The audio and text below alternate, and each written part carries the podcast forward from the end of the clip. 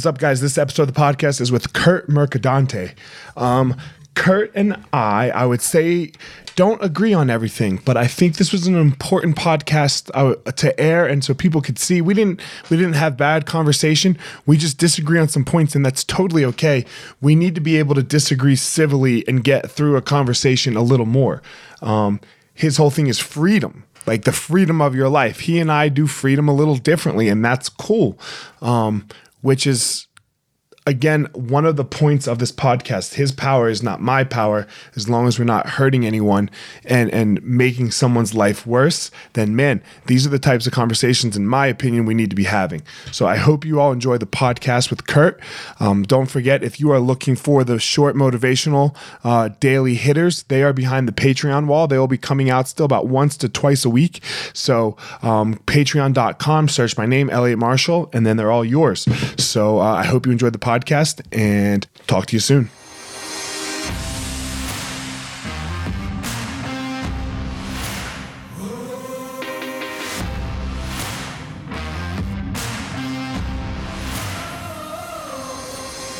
What's up, my ninjas? This is former UFC fighter Elliot Marshall, and this is the Gospel of Fire, where we are going to learn how to go into the fire so that we can find our power and live the best life possible.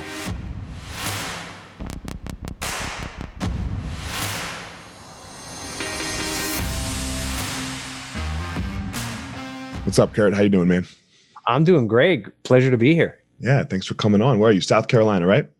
South Carolina now, and uh, okay. you know we we sold our house, most of our possessions earlier this year, so we're traveling around. Uh, okay. Uh, we came back to South Carolina for the holidays for for a short stint, and then we're off to the mountains for two months next week. Then maybe the beaches, South Florida, Texas, and then heading up into the mountains in the desert. All right. Hell yeah. Who's we? You, your wife, kids, or? Yeah, my wife and I and our four kids. Okay. And so, so yeah. Uh, yeah, we just, we flow where we, we feel we're treated best. Okay. Hell yeah, man. That's cool. So how old are your kids? Uh, our oldest is our daughter and, okay. and she's 14 All and right. our sons are 12, nine and six. 12, nine and six. All right. So able to move around. Yeah, absolutely. Around. Yeah. yeah. I have a 11 and seven and a half. So nice, nice. Yeah, it's it's um, you know, we've homeschooled since the beginning. Uh, okay. Uh, since the be- not since the beginning of them, you know, not right, yeah, I understood not not COVID, right? And so, you know, but a lot of people are like, "Oh, well, you should be used to this," and not being like, it's like, no, the way we homeschool is we don't just sit inside and replicate school inside the house. We're out, and the kids are always about and doing things. And so when that stuff got shut down, we're like, you know what? If we become so attached to things that people can take away from us, let's just become unattached to the things, and then we're not prisoners anymore. So we just can, we do what we want, and some people think we're crazy, and that's fine. They can they can think what they want and remain in their own prison.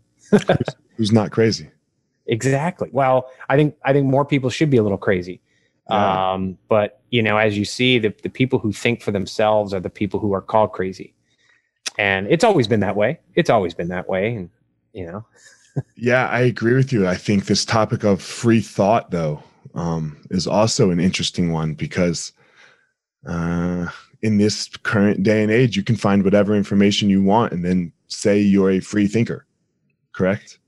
Yeah and and i you know i think it requires having a trust in the individual that they will find it out and right. that there's a true democratization of information out there um, because you know who's fact checking the fact checkers, right? And I mean, you you look you look over the last twenty years, and you've seen a breakdown in so-called experts in the media who have gotten things wrong and were found out by average Joe in his or her pajamas, fact checking and, and doing these things.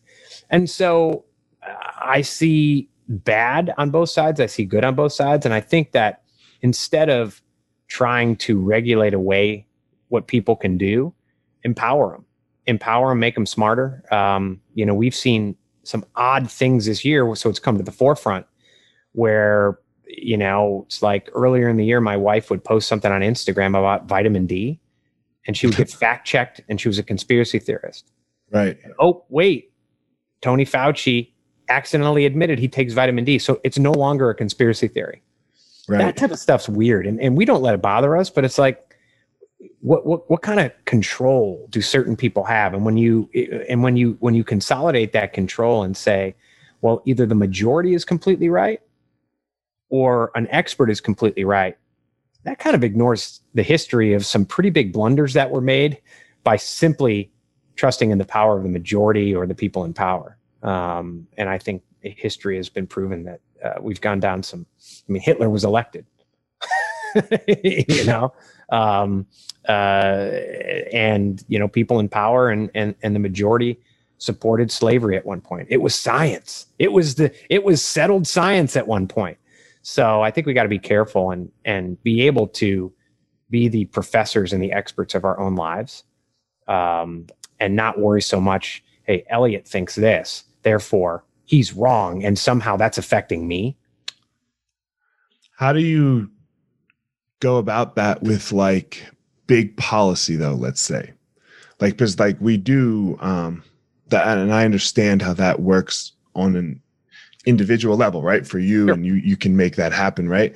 Um i'm trying to think of something that isn't super controversial. Um, everything's controversial. everything's controversial uh you know like i mean let's just use like climate change for example. Right. Right?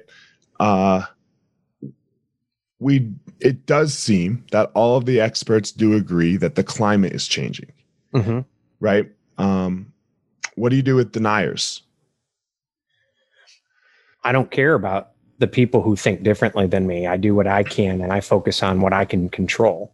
Okay. so um, i think in our society we've substituted in many cases screaming at a screen whether it's our phone or tv for actual action i call it a bot society you know i mm-hmm. worked in politics for decades I worked on tier one Senate campaigns and the like. And my view is listen, if you're so angry about it, don't wake up and wait for Rachel Maddow or Sean Hannity to tell you what to think that day. That's what a large part of people, I mean, I have uh, people in our family who do that constantly and they get angry and they think they're doing their part. My view is get up, go knock on doors. You know, work in your community and focus on what you can focus on. So I don't really, you know, people get worked up about they said that. Who mm-hmm. cares? Mm-hmm. You know, there's always going to be those types of people. Do what you can. You know, you got a Teddy Roosevelt uh, quote. I, I think yeah. it's "Man in the Arena" Man behind the arena. you. And yeah. one of his one of the favorite quotes I have is "Do what you can with what you have where you are." And if I'm sitting there saying, Jim or Jane is a denier of this or that. And my gosh, I'm mad and I'm going to convert them and I'm going to convince them. How much energy am I wasting on Jim or Jane that I could just be going out and doing what I want to do? uh, in terms of making a difference. I, I think the other thing is if if you let's look for areas where there's collaboration and agreement. Because I think right now we're constantly looking for ways, places we disagree, mm-hmm. and let's fight, and nothing ever happens. And the people who benefit from that, which is more like this or a push, it's not us, it's not the people, it's uh, politicians who get votes from fear. By the way, on both sides. Uh, it's the media who get ratings from fear. And so the more we fight, I mean, I, I, you know, I used to be in public relations for public affairs, trade associations, and politics. The cable news stations, when you go on, they'll say, What are you going to say? You tell them, and they say, No, no, no, we got to liven that up to make an argument with the person on the other side. It's entertainment. And the more we realize that and say, Okay, listen, we may disagree on certain things in terms of um, the nature of climate change or certain pieces of it, right? But maybe let's all agree. Where can we agree? Like certain things are stupid, right? Like let's clean up water. Let's not litter. Let's, you know, do those types of things. But then you move along. I mean, you look at what I love about Elon Musk is he's got a mission to save the world right? When you talk about climate, when you talk right. about even yes. getting us to Mars. Right. You never hear him preach about it. You never hear him sit there and lecture people about it. You know what he did? He made really cool cars. Yeah. You know what he talks about? He talks about bulletproof glass because he knows if you give the people what they want, he's saving the world. I know people who buy Teslas, who spend a lot of money on buying Teslas, who don't care about the environment or climate. They want to go zero to 60 and whatever. Mm-hmm. So Elon's figured out a way to, while everyone's arguing over this policy and that policy and this policy, he's saving the world just by free market, right? And, and creating those things. And I think that most of what we argue about is BS. It, it, it's it's created. We argue about the the ins and outs of legislation that has been created, such that either way, both sides are getting their pockets padded, and it, it's really, you know, when you look at and I'm sticking to climate. When you look Yeah. at the bills that have been proposed, they're not going to do much anyways. But certain people are going to be enriched, and we're going to be left out in the cold. And it's just we're doing something to do something. Um, and I say that as someone who worked there, lobbying, making legislation. I once sat in a room uh, with food lobbyists who divvied up which industry was going to write which part of the food pyramid. Now we're told that's science. We're told that, but if you look at the food pyramid and then you look at the amount of subsidies certain industries get, it's not about us. It's not about science. It's about helping farmers, dairy farmers in Wisconsin. It's about helping people, you know, Brett, who's giving the most money, who's got the most votes. And so I think if we peel back from that, it does come down to the individual letter, le- um, uh, level. And what can I do with what I have where I am to make a difference? You know, if I start a petition against my mayor, that's going to have a whole hell of a lot more impact than me starting a, a petition of 100 people against the president and the Senate. And I think we're so focused on the federal level because it's entertainment. But if we if we acted locally within our, and I think we're seeing that now, the real importance and differentiation of local governance, um, especially as it relates to the pandemic and lockdowns and what's allowed in certain states and, and, and et cetera. Um, I think it's really coming to the forefront that you know it, it's a cliche, but it, maybe it's not. Is you know think globally, act locally. yeah. Take care of your own house first. Yeah, yeah, would, yeah. So let, let's move to the the take care of your own house first, right? Like where where what you do, like freedom, right? Yeah. This is this your thing is freedom.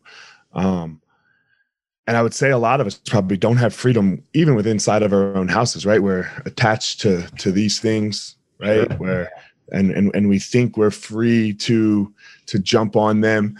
And, and look, you and I mean the the the double edged sword of all of this is you and I do this over you know Right. Social media right you know so i mean zoom is social media correct uh, yeah. across the internet so how how do we get freedom like first define freedom what what is freedom to you Yeah, it really that's that's it. And I- and I always ask people like, what does freedom mean to you? Like Mhm. you, not your parents, not the expectations that were set for you when you were 15 and you're still living in when you're 50, not to your the person who whatever religion you are that preaches from the church pulpit, you know, make you maybe someone made you feel guilty and you can't do this and can't do that. Like, what does it mean to you? And defining when I wake up in the morning, what do I want my days to look like?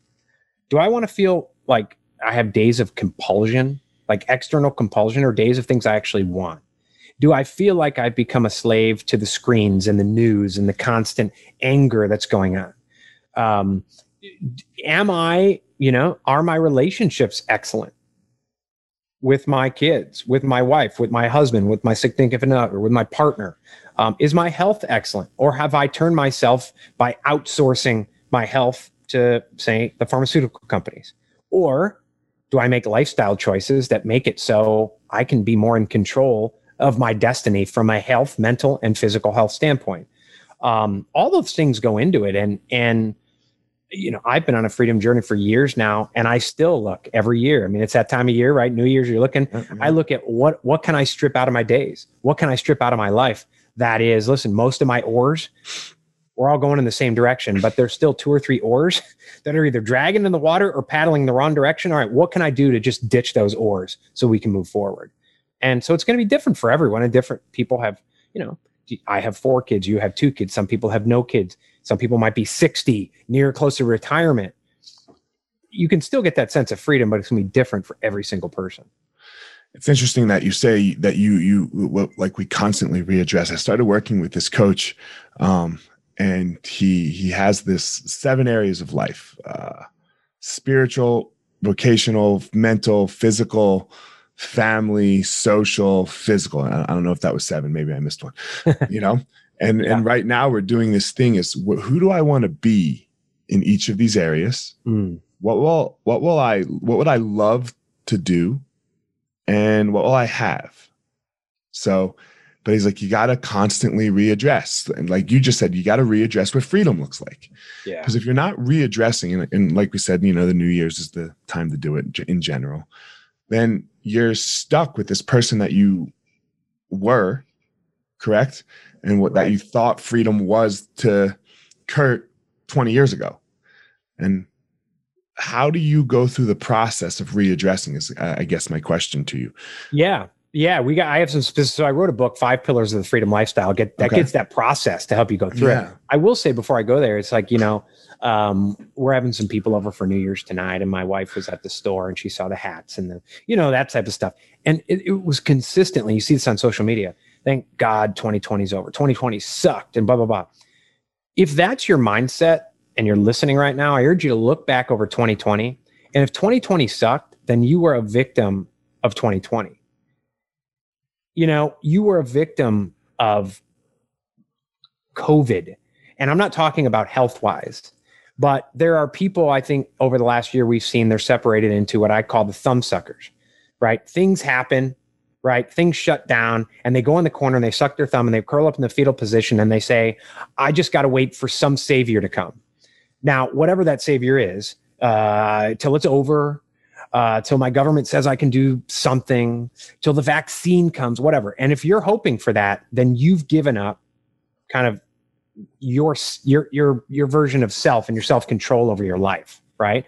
But then you see people you see restaurants. I see signs coming back in 2020 it's too difficult. Then you see restaurants four star restaurants who build drive through windows right? People who figured out how to we can't use these menus so we're going to put it online we're going to do this and we're going to turn ourselves into a drive through there's those who adapted and they thrived and 2020 is wonderful. The amount of people i've talked to who had record years in 2020 is incredible. And it was tough. And come March, I lost $30,000 worth of keynotes in an eight hour period in March. And I was mad for eight hours. And then I went back and I had a growth year because it was, I didn't just sit there. You know, if, if we look at ourselves as water in a river and we're flowing down the river, right? A lot of the hustle and grind, I call them hustle and grind pornographers, would have you believe that you're in the river, you're flowing down the river, and there's boulders in the middle of the river. What they would have you believe is what you want to do is you want to get that adrenaline going and you want to grab that boulder and you want to beat your head against that boulder. And when it's bloody, you beat it again because you know what? That's what it is to be tough. And that's what it means, you know, in this century to just get ahead, blah, blah, blah, blah, blah. So meanwhile, you're stuck behind the boulder and you're bloody, right? I urge people flow instead of grind, flow instead of beat your head on it. And so when something comes, eh, you adapt and you thrive and you flow around it, you flow over it, you know, you go through it and you keep moving where you want to go. And the people who did that this year are the ones who are having record years. They actually grew. They figured out, they started with, listen, we can't do things the way we've always done, but what do our customers want? What's the impact we want to provide? Let's start there and reverse engineer it. It's going to be a different path than what we had over here. I had a whole plan for live events this year and keynotes and everything. Guess what? Couldn't do it. I didn't change my goal for the year. I didn't change my vision. What I did was I reverse engineered it and it was a different path to get there. Um, so when you reassess, you know, what that freedom is, you gotta, you gotta start with, and, and one of the five pillars is vision. If you die in 20 years or 20 minutes, what do you want it to all be about? You know, my vision is to save the world by helping individuals fight for lives of freedom and fulfillment. I do that by helping them build authority brands so they can generate the right revenue. I help them by doing that by defining what freedom is in their life and doing that. So you you you define that vision, then you reverse engineer it. And it's only in that reverse engineering that then you can determine your outcomes, just three outcomes. It's not a to-do list of 20 things. It's three outcomes for every year, every month, every week, every day. So vision and those outcomes are two of those pillars. Um, the, the first pillar is actually superpowers. I'm a Gallup Strengths Finder, finding out what your innate God-given talents are, so you can invest in those every day. So if you're right-handed, you know you're not hitting from the left-handed side of the plate every single day like we force ourselves to do. And then there's there's there's a, a little uh, uh, exercise I'd like to share in terms of Yeah. tactically how you reassess. So anyone who's listening, and you you take a piece of paper, and in the middle of the piece of paper you draw a circle. That circle is going to be a pizza pie. That pizza is going to have three slices. But before you draw the slices, right, there's going to be a slice for work, a slice for relationships, and a slice for self care. Now, you mentioned those seven things. A lot of those are subsets of work, Mhm, relationships, and mhm. self care. So you're going to have a slice for each, but the size of each slice has to honestly and truthfully reflect the amount of time, mind share, worry, stress that you spend on each on a daily, weekly basis right now. So even if you work 60 hours a week, but you're not present with your kids on Saturday at their soccer game because you're stressing about the meeting on Monday, that's got to be figured into that slice. You're not technically at the office, but you still are. So you, you draw those three slices, right? So people will draw those three slices and they they find out where their life is now. And a lot of times when I have people do this, I'll do it in workshops or I'll do it on, you know, Zoom calls, mm-hmm. coaching calls. I hear, oh, oh man, oh, you know. and I say, okay, now take your pen or paper, redraw the three slices this time, right on top of that initial pizza, but this time do it the way that you want it in your life. And a lot of times, you know, that work slice gets smaller uh, maybe not for physical time at the office, but just for the mental time. A lot of time that self gets bigger.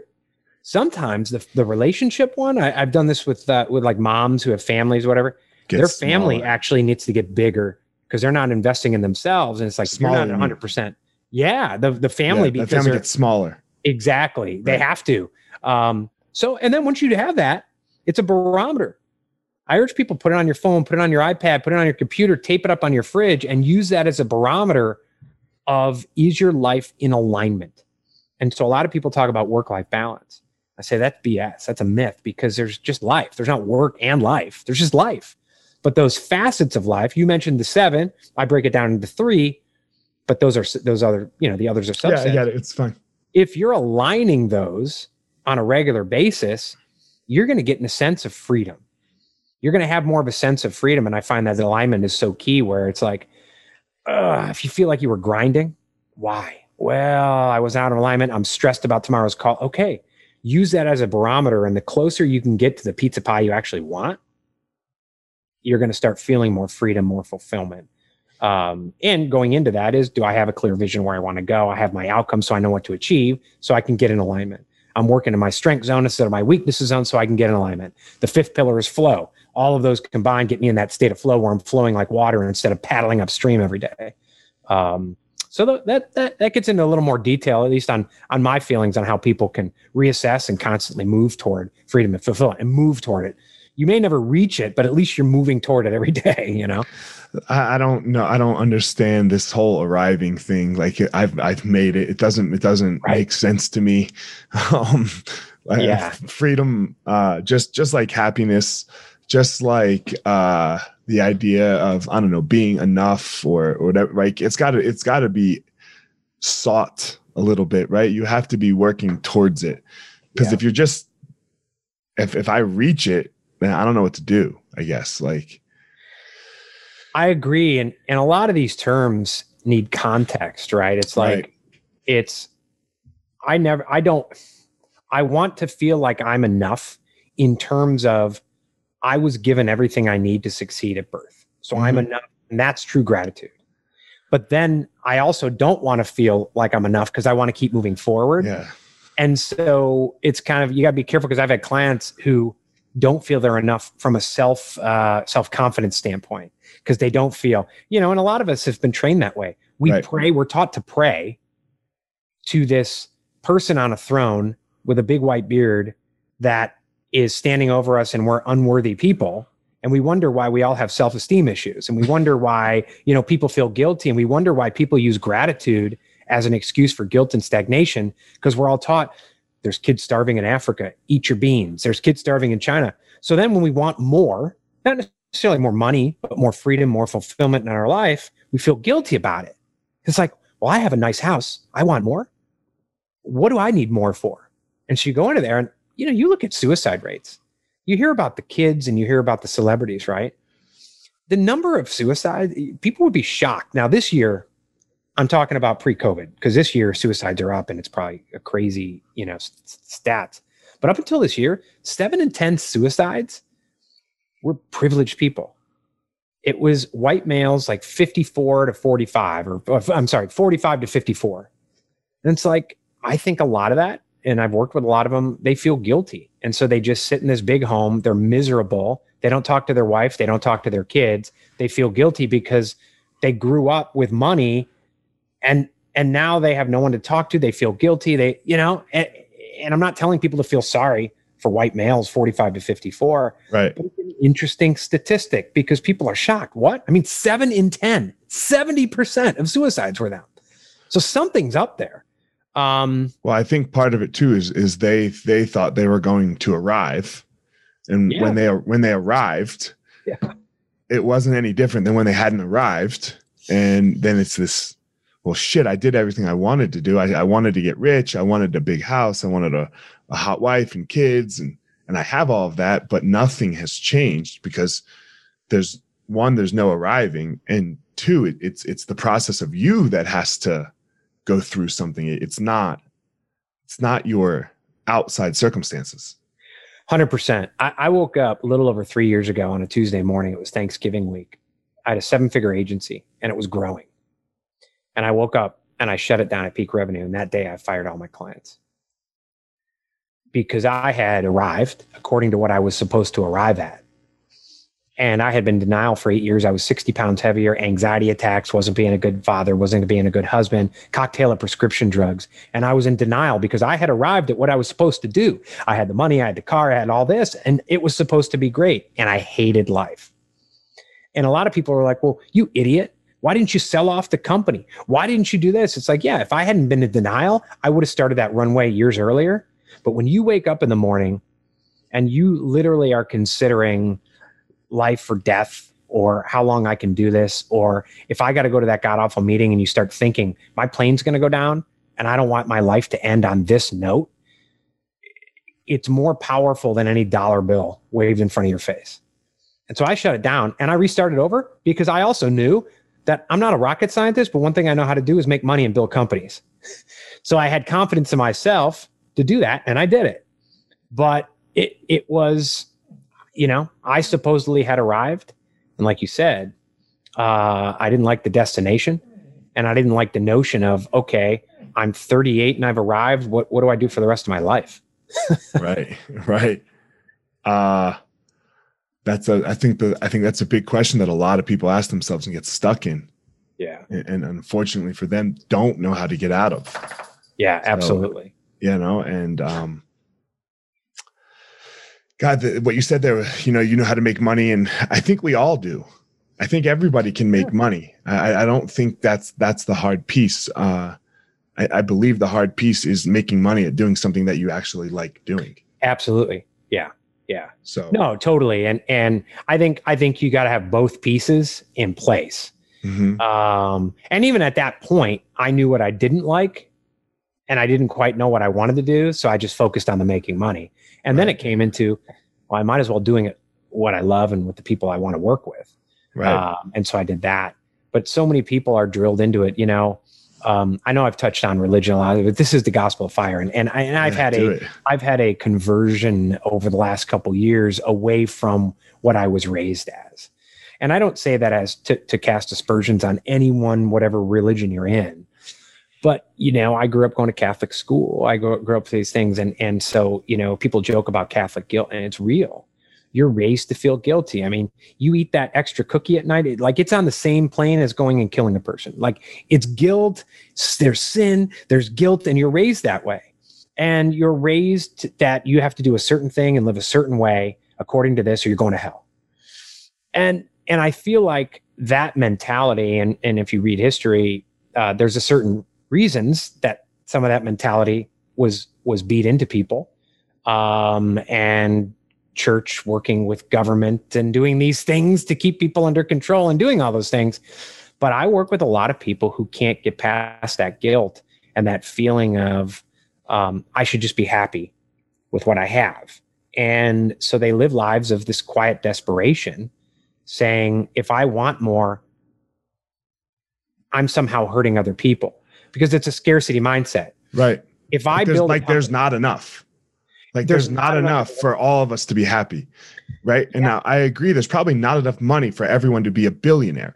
That might be true but that doesn't make you happy. Right, L- right? Like like you said 70% of rich white dudes that are fucking off in themselves. Right, so that that's not the answer. And but at the same time i i don't have enough I want to go charge. Like, and they're both okay. Both uh, like this idea all the way over here and this idea all the way over here. It's it's cool, man. Like, of course I have enough. I'm not gonna fucking die today. Yeah. But like, uh, it's it's not.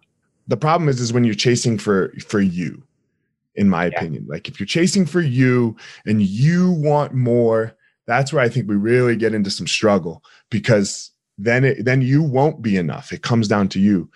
But if you can chase for like we like what you said with Elon Musk, like your Elon Musk thing was like he wants to change the fucking world. He wants to make climate better. He wants to like so that's what that's sitting at the top. But okay, so how am I going to do that? I'm going to do that for everybody else. I'm going to make badass cars. I'm going to fly. I'm going to get some people to fucking Mars. Uh, Yeah. right? Like it nothing Yeah. nothing of it has to do with him. It's all about giving to everybody else. it's it's you you hit the nail on the head. It's creating value. You know, my family and I we love watching Shark Tank. Okay. And every so often you'll have these people come in who think they're owed because they worked really hard, they went without sleep for 2 years, or they come in with something that's a cause related business and they think that alone deserves to be funded. Define cause related business. Um, so there was a company, I think they were making soap and doing all these things, and it was great, and they were putting people to work, et cetera. But they had been around for like five years and hadn't sold any. And so the sharks were like, and some of by, by the way, some of the sharks are very giving people. Actually, most of them are very giving people, and they have, you know, and you, Daymond John, and he volunteers and he does all these things. But even he was like, the market has rejected your soap. If you had great soap and people were buying it and people were like, I need your product, then we might fund you. But you're running a charity. That's different. And even charities, I used to work in the in the nonprofit realm. Charities have to figure out how to offer value to people. That's how you get money back. And that's how you create wealth. That's how you really unleash your prosperity is you create value. So instead of Elon Musk saying, let's all save the world. And so I'm going to lobby so they put uh, taxes on your carbon. And then I'm going to have a telethon and just ask people to give money. You're going to raise some money. You're going to, you're going to do that. Okay, great. Or I can actually not just make a dent. I can take a sledgehammer to the, the problem and actually start pounding it by creating something people want, which is they want cool cars. They want bulletproof cars, you know. And by the way, what he's at now with Tesla and and and how it's run, I mean, that's this. We're still in generation like one or zero point one. Not even close. Yeah, These things yeah. are going to be like the Iron Man suit in a couple of years, and he knows that. And so, but everyone focuses on, oh, but those batteries are dirty, and they're dirtier than this and that. It's like he's playing chess. He's thinking twenty years from now, and you're focused on the now. But he does it not by preaching, not by begging. It's how do I create value? When I create value, the market responds, and we can save the world that way as well. I mean, I coach and, and I, I consult people. I feel like I'm saving the world doing that rather than going out and preaching and you know doing all these things. You create Yeah. lasting change by creating value. Touch somebody's life. Yeah. one person at a time. Just, I mean, look, you you you can't. Uh, I'm I'm probably almost certain, even staying on Elon Musk, he wasn't thinking about two people. He was thinking about what is the one person who will buy this car, because that's Yeah. how you do it, right? Who what who is the one person that will buy this motherfucking car, and I'm gonna make it for that one person because that's Yep, where you have absolutely. to start. You have to start so minute and so small, right? Like the vision's big. I get, right? It's like you said, you have to know where you want to end up. He wants to change the fucking world, right? But then how are you going to do that? You have to reverse engineer that all the way back to the one first person that is going to buy your first car. Yep. And then you get to go from there. Yeah, I, I- I mean, it is, um, and and you look at the other offshoot industries he's now able to build because he focused on that one person. Mm-hmm. He was making ventilators. He's making, you know, Bill Gates is ripping him, but he's making all the equipment for like the vaccine stuff for one of Bill Gates's company. It's funny. The reason he can do that is because he created value over here. Then he was able to create value over here. And you know, for Elon, it's not about money. The guy put all his money in and was like destitute or near destitution. So he put his faith in it and knew it would come because he created value. And what a lot of entrepreneurs do is or uh, entrepreneurs, wannabe entrepreneurs, entrepreneurs, and, and be small business owners, is that they are fearful of focusing on that one person, right? Because to niche down takes some confidence that I'm going to serve this one person and this is my ideal client. It's a lot easier in the short term, at least you think it is, to say, well, I have, I'm going to get the world's biggest fishing net and I'm going to go into Lake Michigan right? And I'm going to go out there and try to catch as many fish as possible because some of them I'll catch enough that they'll jump in and enough I'll, I'll, be able to make some money. Problem with that is you also catch some invasive invasive species who take your time away, who doubt you, who don't pay you what you're worth. They destroy your company, right? To have real confidence and to focus on your ideal client is to say, listen, I know who my ideal growth client is. That person I need to serve, that one person you talked about. I know the small little pond they and all their other like-minded fish swim in, I'm gonna go over there and fish. And the other person would be like, oh my gosh, you're limiting yourself in that small pond.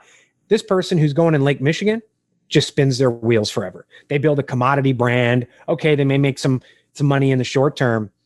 This other person goes to that small pond. They become the billionaires, right? Because they start with that one person. They start making that big impact, that big impact, that big impact. Tesla's not for everyone. You know, luxury brands aren't for everyone. The luxury brands are the ones that are they're sitting pretty instead of the commodity brands of constant churn and burn. I got to sell enough to stay afloat. I got to sell enough to stay afloat. I'd rather be an authority brand. I have. So where I make a living is martial arts schools, and I have seven of them.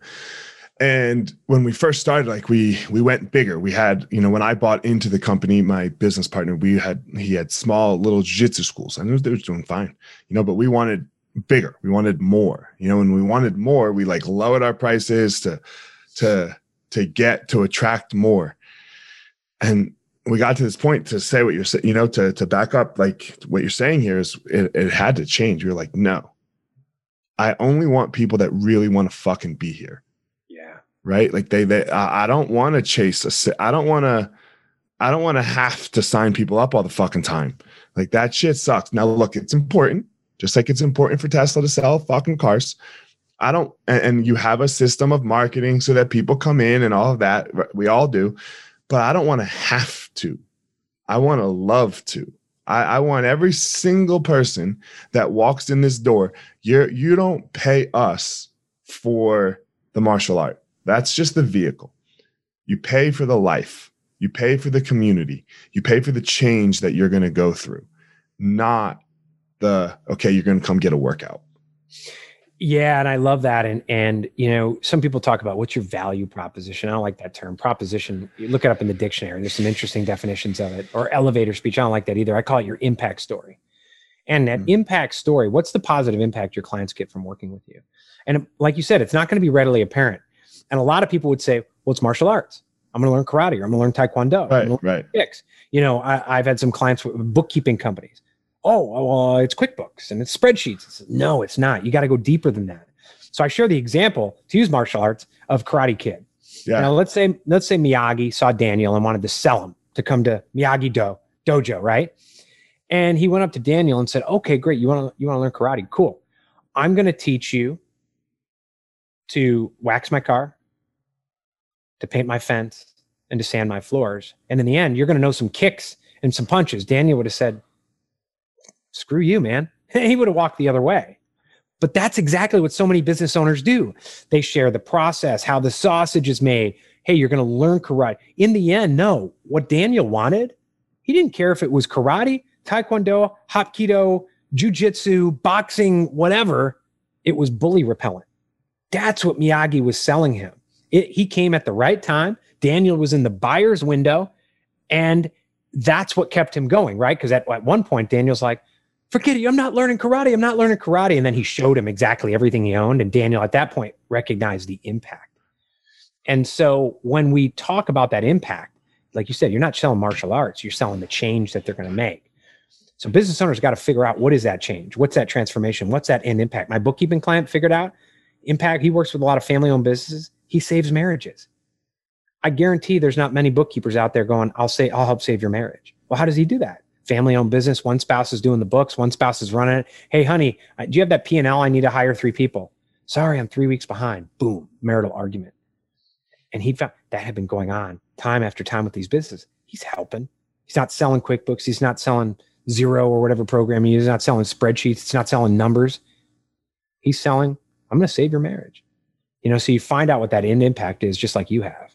Yeah, it's it's the only way to do it, in, in my opinion.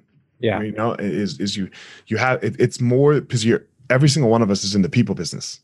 Right. The the movie industry is the people business. The car business is the people business. The newspaper business dying, it's the people business because you have to touch a person's life.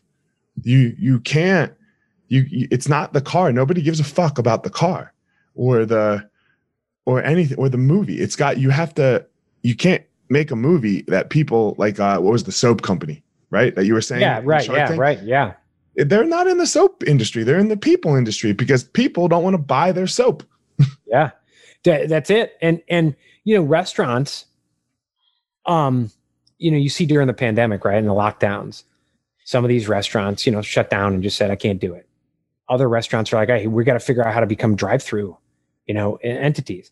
Now, for a couple months, it's that, hey, support local, support small businesses. So people went out of a sense of duty mm-hmm. that's not going to last forever. That's not how a free market works.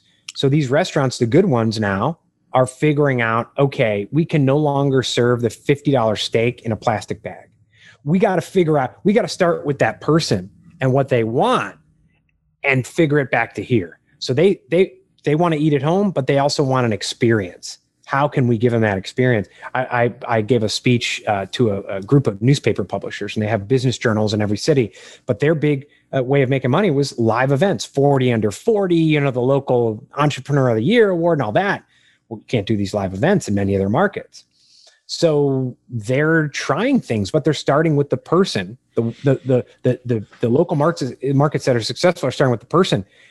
They're like drop shipping uh, the steak and red wine to the person's house to try and recreate a good experience while they watch the 40 under 40 on Zoom. You know, the the companies that are dying, the businesses that are dying are saying, how can we do what we've always done and force feed the person rather than saying, what does a person want and how can we adapt to that? So you, you're exactly right. No matter what business you're in or industry, it's the people business. Start with the person you're serving, reverse engineer it from there, and you'll be good.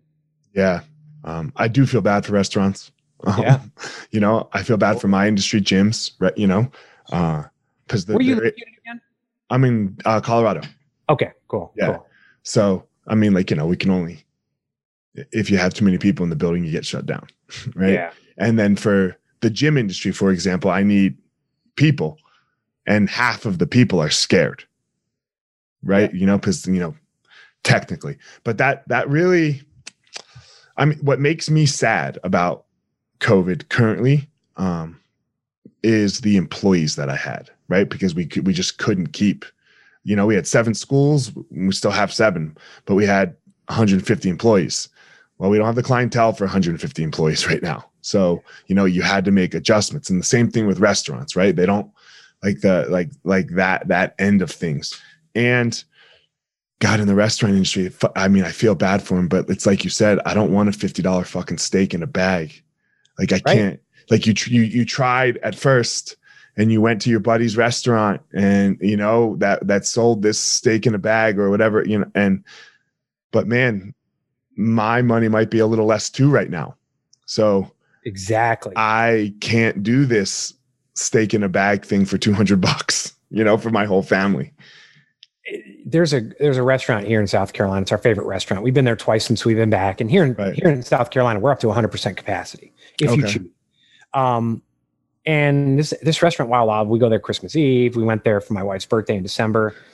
But during the lockdown, when they couldn't have people there, they figured this out like clockwork, and were doing certain things where they kind of figured it out and got better each time. The Mhm. packaging got better. They did these things. And then they have incredible Italian wines that you can't get anywhere else. But like you said, I'm drinking it at home. The, the wine is never really good at, as good at home as it is in the restaurant, just because everything goes into it and the nice Right. glasses and all right, that. right. Well, they were doing like half price wines, and it was like, you know how much wine I bought in that first Right. more than I normally would because it's like, okay, great, they're creating the experience. And there were some other restaurants that we went to. It's like, you know, I got we have it's expensive. We got four kids, and so Right. it's, I'm going to spend my hard-earned money. Yeah, I'm going to go support them once, but then you know, I just can't do it. But over here, they're doing this. And, and you, you know, I feel for, I mean, down here in, in, in the South, we are seeing an influx of people and even people, I think what we're going to see over the next year or two, people from New York, people from Illinois that have completely locked down. Where, I mean, I've talked to people, the restaurant industry could absolutely be wiped out in Illinois. Like half of all restaurants could be gone because they keep, despite evidence to the contrary of spread within the hospitality industry, they've shut them down completely. Yeah, it's the same thing with the gym industry. None. We have no it's, new cases that came from a gym. And it's the like, gym stayed open in Illinois because they, you know what happened? The gyms banded together. I have a client who's a personal trainer up there. Okay. The gyms banded together, got doctors on their side, writing letters saying there's no spread and kind of publicly shamed the politicians into letting the gym stay open. From a health perspective, from a perspective of they got into the science of how the, the air is recirculated and all this, but also to a there's going to be 30 inches of snow on the ground and you're locking people in their house. What do you so when you say uh 100% capacity, so everything's opening in South Carolina? yeah, they just got to wear masks. Should you choose? I mean, I mean, it's up to the, it's up to the restaurant. Certain restaurants okay. may not. Certain restaurants may. Um, you know, you go certain places and certainly it's down. I went to a movie this last week. It was my first movie since, okay. gosh, I don't know, January or before. Um, and they they did social distancing in there and whatever. Um, it's interesting because my life's weird. My wife's a, a, hospital worker, a nurse practitioner. Yeah. Right. So should we have to? And and I have this industry where it's like I got to go see people yeah, right. And she right. has to she has to try to be as safe as she can because she's got like even getting COVID, not dying from COVID, even getting COVID is difficult. Right. And and I have fighters. I mean, it's been this really interesting experience because um, from November the 6th through December, you know, through the beginning of December, uh, our fighters uh, lost $500,000 because of COVID because nobody died, nobody nothing. But if you test positive for COVID, you can't fight right? And and the UFC was the first industry to open after, but that's still the rules, right? Like that you, you, you can't fight with COVID, and uh, it's a it, it, it's a weird thing. Like so, I, I I see it as this double. You know, we, we've got to do our best, but we've got to stay open. Uh, we we cannot lock things down. I yeah. wish I wish we could police ourselves a little better. Like, um, you know, if if I have if in one of my schools, let's say, right, like we do our best, we t- we check your temperature, yada yada. We contact trace, like, hey, people contact us when they when they get sick, um, because we know that the government will come in very fucking heavy handed, yeah, which, which we won't like. So we have to do a little policing of ourselves. So if I get five to six people in my school with COVID, man, we close it down for 10 days. And we say, hey guys, look, we're, we're just going to stop right now.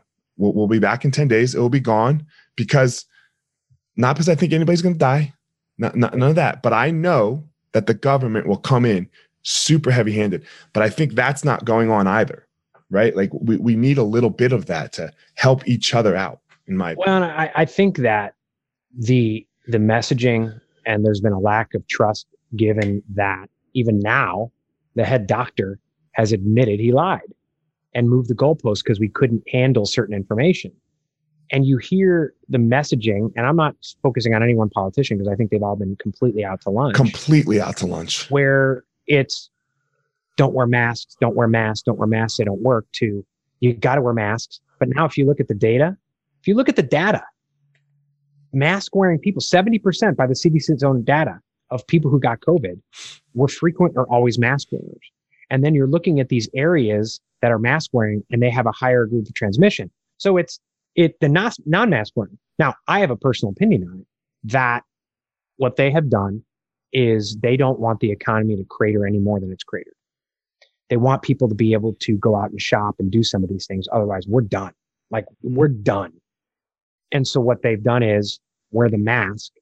So it subconsciously makes you feel comfortable to go out and shop and do these things. And okay, we can open as long as we have this, even though they know that the actual how much these masks are going to work.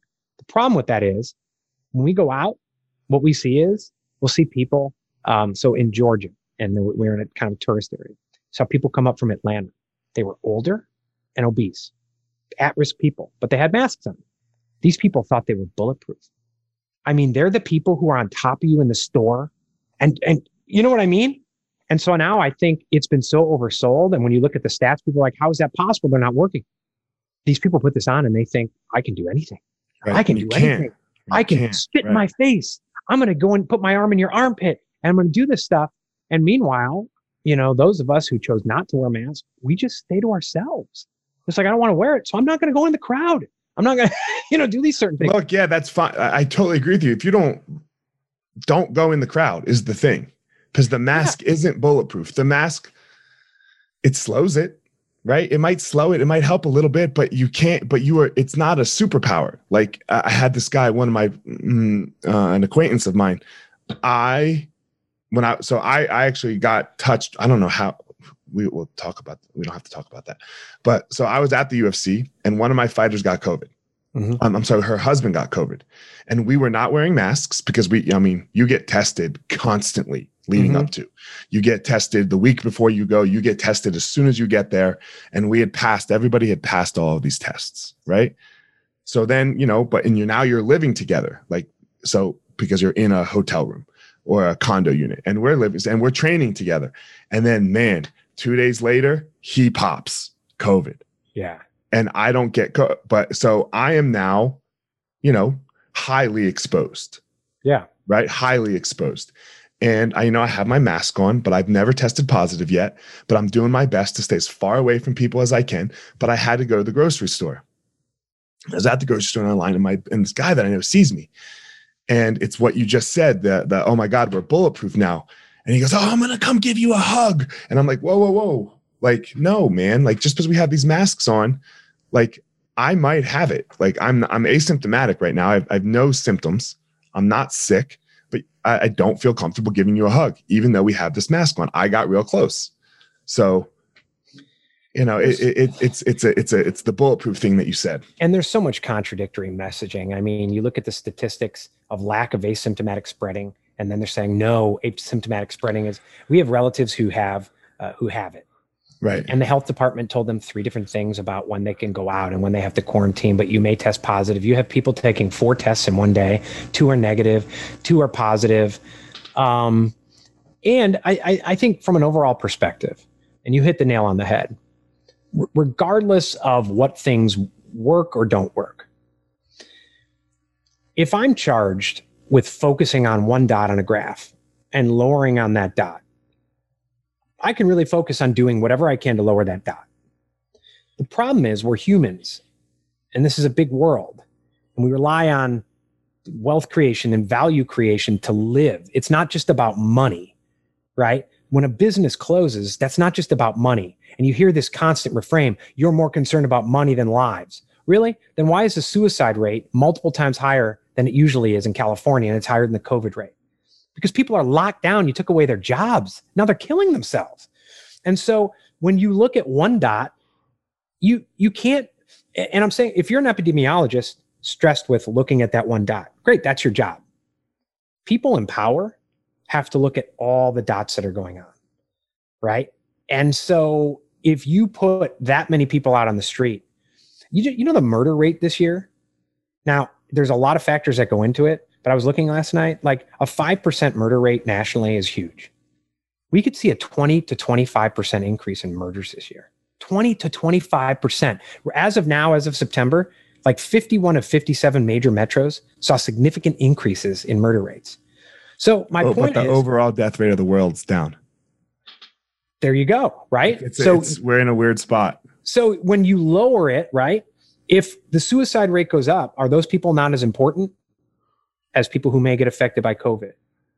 You know? Look, I agree with you. We're in a weird spot. I think uh, I wear a mask when I'm out in public.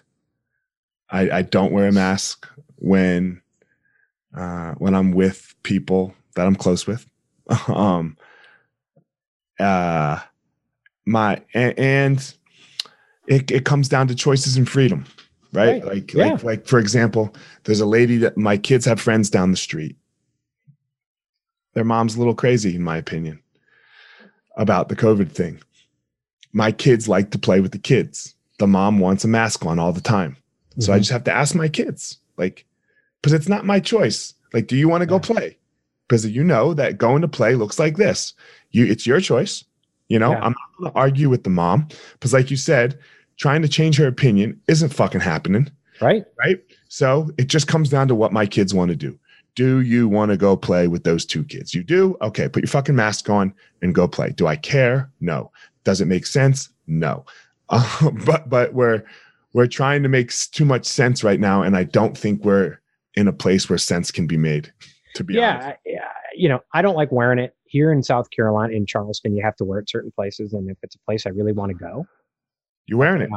Yeah. Um, you know, where we're going for the next two months, you don't have to. But if I go into a business that, they, so it's left up to the businesses. hmm If I go into a place, so if I went to a restaurant last week, right, and and I have a problem with doing things, with going through the motions on anything. So this notion that I'm going to walk into a restaurant and there's ten feet to my table, And you have to wear a And I- mask on that 10 feet. right? That It that, that either close the thing down or open it up. But this Right. it, dumb, right? But everyone in that restaurant is there. We're adults. We're human. We're there by choice, right? Right. Now, I could make a choice to do that and go do those things, and then go straight to my mom's house, who's 75, and hug her. I'm a, I, I'm probably dumb if I do that, right? mm-hmm But I also know that for myself, I'm going to trust the other people to be smart about doing that with their own moms. But again, that's their choice. And if their mom wants to see them, that's her choice. My mom's 75 and says, listen, my husband's been dead for eight years. I'm not going to not see my grandkids and die not seeing my family. So screw it. If I die, I die. For me and my family, I'm not afraid of it for ourselves. And that's my choice. But I don't go out of my way to to, to, to put other people at risk because it's what you find is in these states. And if you look at the numbers, it's like people in the North will lecture me and it's like, well, why is New York is locked down tight? Why is your death rate at like 1700 per million and ours is like 400? We're supposedly piling, piling bodies in the streets down here, but it just doesn't act up, you know? It, it, it, so some of these rules are, like you said, if you're heavy handed enough and it's not actually helping, Right. and it gets what gets difficult too, um, because my, you know, like I said, my wife does work in the hospitals, is when the hospitals get close to capacity. Right. Like when, okay, they're not the person's not going to die, but they're in the fucking ICU and they got to be in the ICU. Now we don't have a bed for a stroke. Right. Right. Right. So I mean, like, so that's why, from my perspective, look, like you said, all right, you don't want to, you're not a mask wearer. All Yeah. right, great. Well, then don't go out and do mask wearing things. Like, don't, right? Like, you you take care of yourself, you do the best you can, and you're not like, you know, hugging the public everywhere you go, trying to, you know, not trying to, but just like being a denier of what the world we currently live in, whether we like it or not. For my schools, look, the the law says we have to have masks yeah, right, right. right? Yeah. The law says that. So do I? It's and it's so dumb. The mask. We we are making out basically. We are sweating at each other. Like that fucking mask isn't doing a goddamn thing. But It's it like you see the down- football players, they're sweating all over each other, but at the end they have to they and, have and to then pump. they have to wear a mask on a sideline. But but it- I, I understand it doesn't make sense. But here, Yeah. for me, what it comes down to is I want to watch fucking football. right, right. right? I want to watch football. So if that's what they're going to say they have to do, and and I hate it, and it's dumb, and it doesn't make any sense, well then fuck, I don't really, you know, like Yeah. Obviously, we're past this point because we're doing it, right? Like I Yeah. have everyone that walks in my door has a mask on the whole fucking time because why? If not, the government's going to come in super heavy handed and close us down, and then I'm really fucked. But but here going back to where we started at the very Yeah. beginning of the interview. I don't know how we got of- there. Yeah, in terms of of starting with those small choices you make, right? Mm-hmm. I always like to say if you're sitting there yelling about who's wearing a mask and who's not wearing a mask and who's getting a vaccine, but you've sat on your ass for the last eight months and you're obese and you're on eight prescription drugs that you could be off of if you changed your behaviors, you're doing it wrong, right? Because if you're really concerned about keeping the ICUs in the hospitals, you're going to get healthy. Because, right? Because there's going to be people, I know people who, who've sat inside for like six months, not going outside. Well, guess what? That's you're putting it at risk too. You're Right. going to start filling the ICU pretty long. And so it starts with personal choice, getting healthy, doing these certain things, because we know it, it's not like this is affecting 80% of the population. it is a very small set of the population that is dying from this and getting really sick. Now, we know those people are at risk. Now, if you go and you look at obesity, you look at a lot of the diabetes that is not congenital diabetes, but diabetes through eating badly, right, right? right? Eating sugar and bread. And you look at those behaviors, how much could we cut? Imagine if the government mandated exercise and clean eating, right? And and so uh, you're touching people's freedoms now, homie. Well, I don't want a mandate of anything, but here's the point. When people are free and they're self-reliant and they're self-sustainable, then we don't need the government. So they will never do that. They, everyone, whether it's whether it's big pharma, whether it's people, they want to hook you up and keep the drip going because you got to keep coming back saying, "I need more from you. I need more from you." And people will choose order and security over freedom every day of the week, no matter what they say. It's a different podcast, but I yeah agree with you and don't agree with you. okay. Yeah. yeah. You know, I agree with you and don't agree with you all, all in one. I, uh, in a utopian world, I agree with you. In a not utopian world, I don't agree with you. So, um, fair enough. Yeah, uh, but that but we'll go down a rabbit hole. Um, obviously, I think I know what your power is. I like to ask everybody as we close um, what their power is, but because I believe everyone has a unique thing in in this world that that makes them go out and be amazing, right? Um, what do you say yours is? Uh, creation. Creation. Okay. Yeah. And, and I think um, focus on creating value for other people, whether it's my family, myself, and others. Okay. And I used to uh, not think I was a creator. I mean, I was always like a creative writer and things, but my dad was an engineer, worked on the space program, helped design weapon systems, like, and all right. this stuff. And he was creating physical stuff. I'm like math illiterate, right? I'm a good, I'm the writer, but I'm not the math guy and everything. And so for a long time, I felt kind of like imposter. I'm not creating anything you know, I look at Elon Musk and I'm like, oh my God, he's creating this stuff. Mm-hmm, mm-hmm. And I have to look, listen, my superpower is creating value for people, helping people create their path in life, health, helping people create businesses.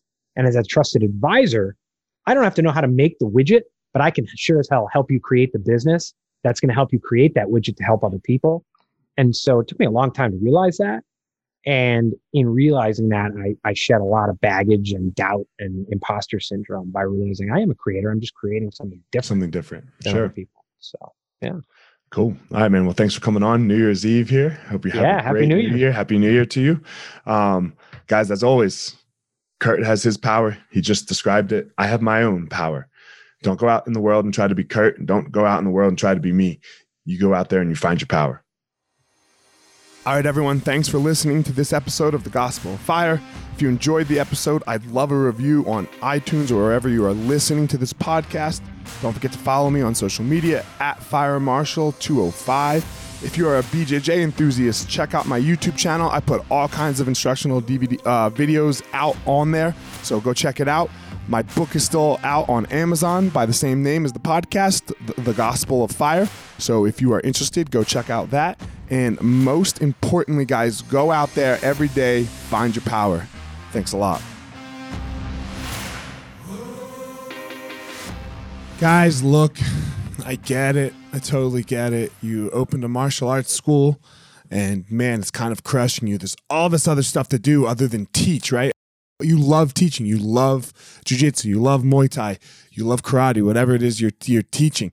And man, but there's all this other stuff. There's there's the front desk. There's there's taxes. There's curriculum. There's cleaning. There's there's problems, staffing, covering. Whew, man, it's so much. It's so much. Well, let me tell you, uh, we have started what's called Easton Online, and Easton Online is here to solve all of these problems for you. Easton Online is a digital academy for martial arts school owners and managers. Will help you establish or enhance your business with best practices. Most importantly, we're going to help you get back to what it is that you love most teaching and doing martial arts. Okay, so for more information, guys, go to easton.online. Again, that's easton.online. Add your email. You're going to get notified about the course launches. Our first course is going to be all about the first impression specialists, your front desk, and all kinds of stuff, special offers, promotions, as well as we started a podcast by the same name, Easton Online, that's gonna talk about our process of how how we went from a tiny little martial arts school to what is now seven martial arts schools, seven Brazilian Jiu Jitsu Muay Thai schools, um, in a very holistic way that we believe um, kept the integrity of the art and also deals with its people very well. So again, Easton.online, enter your email, and you're gonna get all you're gonna get everything you need right there. So thanks, guys.